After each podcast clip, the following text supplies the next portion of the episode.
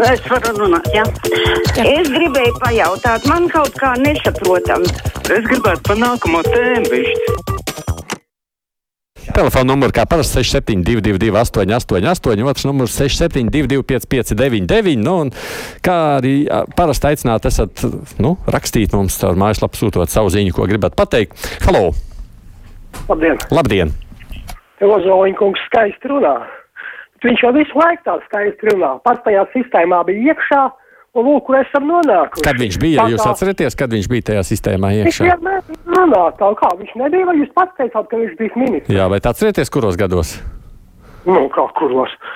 Neatkarības gados. Kā kuros? Nu, jā, neatkarības atjaunošanas, pēc atjaunošanas neatkarības.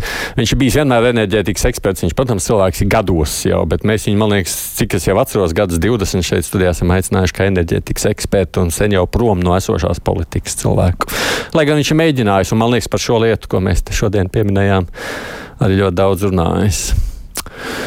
Uzskata, ka viss krieviskā noliekšana ir īsredzīga Baltijas tautu politika, un tāpēc, kā, tāpat kā vācu tautas saistīšana ar Hitleru nepareizi, krievu tautas nicināšanai nav vietas saistībā ar putinismu kliķes darbiem. Tāpēc, jo vairāk vienkāršā krievu tauta personiski zinās, kas notiek ārzemēs, jo labāk visai pasaulē un arī Latvijai. Raksts mums Brinkmaņa kungs.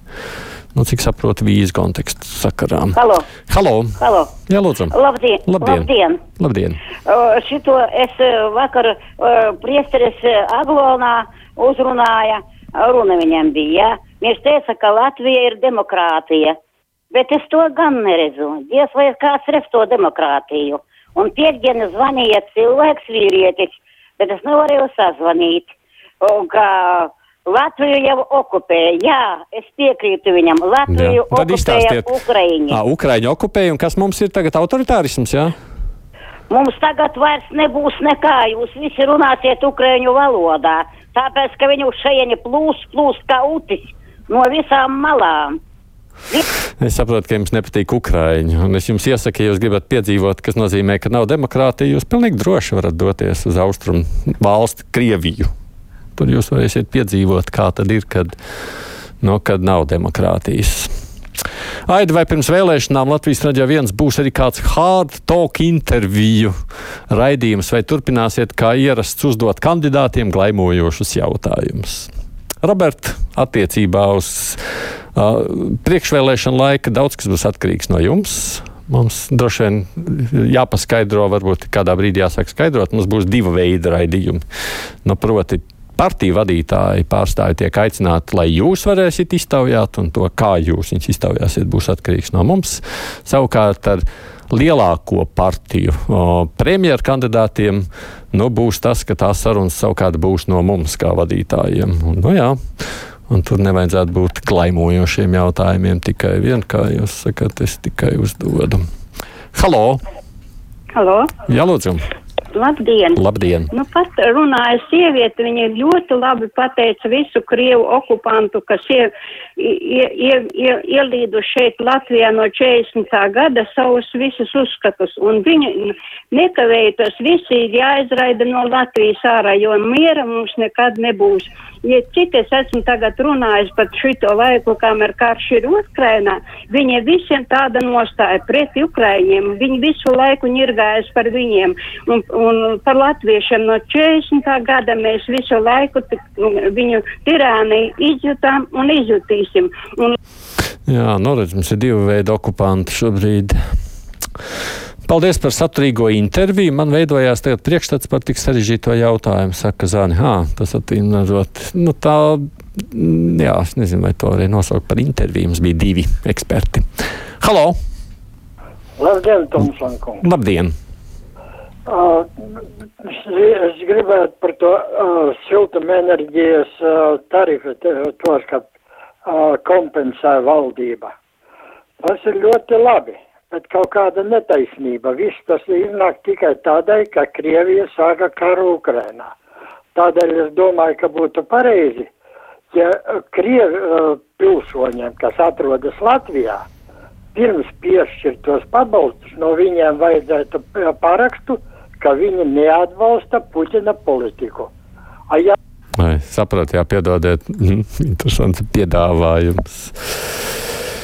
Bricis mānās, kur karstums solītais, saka Roberto. Nav vairs. Nu, labi, mazliet vēsāks bija, bet man liekas, ka tā arī solīja, ka no rīta solīja šodien nomākšos un mazliet lietutiņu, un pēcpusdienā atkal lielais karstums. Vismaz tā es to redzēju. Halo! Labdien! Labdien! Es pievienojos tai sievietei, kas nesen, runāja. Nu, labi, bet vajag piefiksēt to numuriņu, tā sieviete jau ganās par Ukraiņiem jau kuro mēnesi. Nu, pilnīgi nepatīkami klausīties. Un galu galā tā jau ir tāda tā kā drošības orgāna. Mm. Viss arī paldies. Nu, lai cik jums neliktos vienmēr, ka mēs te varam kādus ielaist vai neielaist ēterā. Tas vienīgais, ko es esmu varējis darīt, ja kāds cilvēks piezvan pārāk bieži, es saku, lūdzu, nezvaniet tādu kādas dienas, bet man nav nevienas. Nu, jūs jau neticēsiet. Cenzorisks pogas, ar kuriem es varu pirms tam pateikt, kurš man ir piezvanījis vai nav piezvanījis. Cik neticami. Saistībā ar vakardienas raidījumu par krievu žurnālistiem Zuza raksta, visi uzaicinātie bija viensprāts par to, cik labi, ka krievu žurnālisti strādā no Latvijas. Un Arnēs Kraus nabaks spējās, cik ten, spē, centās, cik spēja uzturēt domu dažādību, bet kā vadītājiem tas nebija ērti problēma nav tikai tā, ka krievu žurnālisti ir par vai pret Puķina režīmu, bet ir ārņa jau minētā liela krievu šovinisma pozīcija. Arī Navaļnija komanda nav bijusi pret Krimas aneksiju un pašlaik ļoti iebilst pret Krievijas pilsoņu iebraukšanas ierobežojumiem kur nu vēl vecā dziesma, ka visur jābūt iespējai mācīties runāt krievu valodā. Vai tiešām nebūtu tik sabiedriskajiem medijiem atbilstoši, lai visaptvarošai domu dažādībai uzaicinātu kādu viesi ar atšķirīgu viedokli? Nu, tīpaši, es, es, protams, nezinu, es vakardienas raidījumu neveidoju, tāpēc nevarēšu komentēt, bet tad, kad mani kolēģi aicina un kādas sarunā uz studiju, tad nu, mēs jau nezinām. Visbiežāk, ko viņi domā. Mēs zinām, ka nu, viņi pieņemsim cilvēki ar žurnālistu pieredzi un tad novērtēt kādā medijā, bet kādas ir viņu domas, mēs nekad pirms raidījuma neizjautājam. Tāpēc tiešām Šad tad sanāk, ka cilvēki ir vai nu vienādi domājoši, un reizē mums ir pārsteigumi pretēji domājoši. Arī es lielā mērā studijā šeit saskaros ar tādu pārsteigumu momentu. Halo! Labdien! Labdien. Um, divi jautājumi. Pirms mēs ķeramies pie globālās ūdeņraža ekonomikas, man vispirms gribētos nosūtīt sirsnīgu sveicienu Rīgas siltumam un uzklausīt kādu ekspertu no uh, Rīgas siltumu, kurš varētu izstāstīt, kāpēc šajās īpaši drēgnajās dienās temperatūrai dieļu žāvētājos ir jābūt tādai, lai uzsildītu vēdiņus un piekurinātu dzīvokli. Es domāju, es neesmu vienīgā, kurai šis jautājums rodās. Vai ir vajadzīgs balsojums portālā mana balss, vai pietiek savākt 70 cilvēku parakstus, lai pierādītu, mm -hmm. ka varbūt es labprāt piemaksātu par mazliet vēsāk. Atslēgt laiku. Nu jā, es, tas ir labs jautājums. Es neesmu dzīvoklī jau sen dzīvojis, tāpēc es tā nebiedomājies. Dvieļu žāvētājs karstā laikā, kad gribās kondicionieru vai ir vajadzīgs. Manā vannas istabā, manās mājās dvieļu žāvētāji nav, un nemaz tik traki nav. Es neko sliktu tur nejūtu. Halo! Labdien! Labdien! Ziniet, es domāju tā jā, Ukraiņi nu, neprotam no mūsu valodas. Es esmu Ukraiņu pusē, jā. Bet kāpēc viņi neiet strādāt lauksaimniecībā? Lauksaimniecībā tik daudz cilvēku vajag. Kāpēc viņi raujās pilsētā? Piemēram, mans onkls bija arī Anglijā pēc kara, jā. Viņam bija augstākā izglītība, viņam nederēja tas diploms. Viņam vajadzēja iemācīties uh, valodu un pārlikt diplomu, lai viņš varētu strādāt savu amatu. Un viņš strādāja pie saimniekiem. Viņš teica, es tīrīju kūtis. Mm -hmm. Kāpēc? Es sapratu jūs jautājumu. Man nav arī atbildes, lai gan es domāju, ka lielā mērā mēs vispār nevaram neko vispārināt. Arī par Igau, arī par Ukraiņu bēgļiem. Es domāju, viņi tikpat da dažādi un raibi, kādi mēs esam. Un kādi droši vien ar prieku strādā visur, un kādi gan jau ir visi sādi. Es pieļauju man beidzot jāiet strādāt, jo esmu iesaistījies daudzos formos un neko labu nedaru Latvijas attīstībai, raksta mums Ozola kungs paškritiski. Halo! Labdien! Labdien! Nu, deputāti teica, lai mēs Ukraiņus pieņemot, tā kā pie sevis dzīvot. Mēs zvanam no Gulbenes, no Rankas pagastā paņēma veca tantu, ka pāri 70 gadu Ukraiņu pārīti. Un uh, vakarā iepriekš, kad viņi ienāca tai dzīvo, dzīvotājā personīgā mājiņā, bija ūksas. pēc tam mūsu vairs nebija pēc kādām dienām. Ja prasāt tam tuk, aizdot tu man naudiņu, ka man es saņemuši naudu, mēs atdosim atpakaļ. Noskatās, kur tam tu kā noliek naudiņu, un tam tu skatās, un vairs naudas nav. Nākošā dienā ir poši pazuduši ar savām mantām un vēl viņu apzauguši, un mm. tagad ir nodots milicijai. Nu, ot, ņemiet, nu, ukraiņus. Kāpēc deputāti neņem ukraiņus savā mājā? Nu, galvenais nevis pāriniet to. Žēl, ļoti žēl, ka ja ir tāda pieredze bijusi. Es tikai vienmēr aicinu nevispārināt. Es saku, manuprāt, mēs gribam visu padarīt vai nu baltu vai melnu. Mm, labdien! Vakar apmēram no 15 līdz 18. meklējot informāciju Rīgas satiksmes mājaslapā, raksta mums Hūnas kundze, pieslēdzoties vienmēr parādījās reklāma Krievu valodā par firmu Olibet un futbola tēmu. Vai tā būtu nejaušība? Mm, Rīgas satiksmes mājaslapa kādā veidā nonāk reklāmas, es nezinu. Varbūt kāds var pateikt, es pieļauju, ja jūs to darītu kādā citā vietā, tad tas varētu būt nejaušība par satiksmes. Kā tur, kas kā pārdod, es nezinu vienkārši. Halo!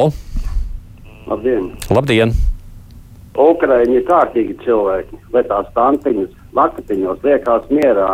Viņas galīgi nozombētas. Paldies! Nu, katram ir sava pieredze.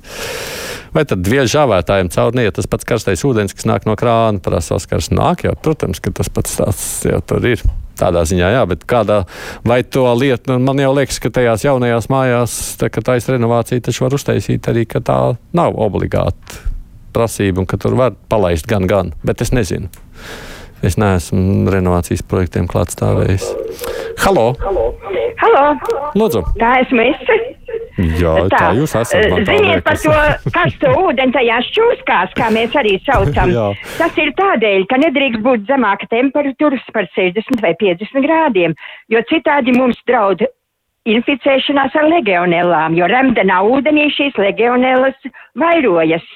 Tā kā ko lai dara. À, Arī mana balss tur nevarēs jā. palīdzēt. Nu, vienīgais, tas... man liekas, attiecībā uz Ligonu, jā, tas jautājums, kā es teicu, vai obligāti vienmēr liekas, vajag laist caur čūsku, bet, ja runājam par karstā ūdens temperatūru, tur jau var, man liekas, nav jau tā, ka legionēli savairojās milzīgā ātrumā. Tur tam karstumam jābūt nu, vienkārši regulāri jāuzdzen lielāku temperatūru.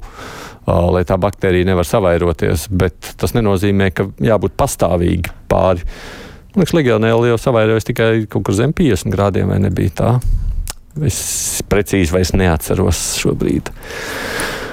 Um, paldies Andri, Arnim Krausam par izcilu labajām intervijām laikmetu kruspunktā. Jauki, ka raidījums var noklausīties aplikācijā, un paldies Aidim un Mārai par brīnišķīgo veidu, kā tiek veidot raidījumu. Oh, mēs no Laumas esam saņēmuši veselu virkni ar komplimentiem. Halo! Labdien! Labdien! Ja mēs visu laiku šeit spriežam par augstām cenām elektrībai, gāzai un tā tālāk. E, bet lūdzu paskaidrojiet man vienu. E, megavatu stundās tiek, tiek uzskaitīts padotais siltums. Tas ir tu, e, tur, kur, teiksim, no centralizētām katlumājām tiek padots uz mājām un tam līdzīgi. Bet nekur nav redzēts, ka gāzi skaitītu kaut kādās megavatu stundās, bet tās skaita kubikmetros. Pat lūdzu, tā tad vārdu sakot, paskaidrojiet man kāds, kāds nu, tas pārreķins varētu būt. Jā, acīm redzot, šajā reizē tas ir maniem kolēģiem, kā labāk dzīvot, jādara. Jo nu, pieļauju, ka ne jums vienīgam tas skaidrojums ir vajadzīgs, kā tā lieta tiek rēķināta. Fakti, viedokļi, idejas. Raidījums Kruspunkta ar izpratni par būtisko.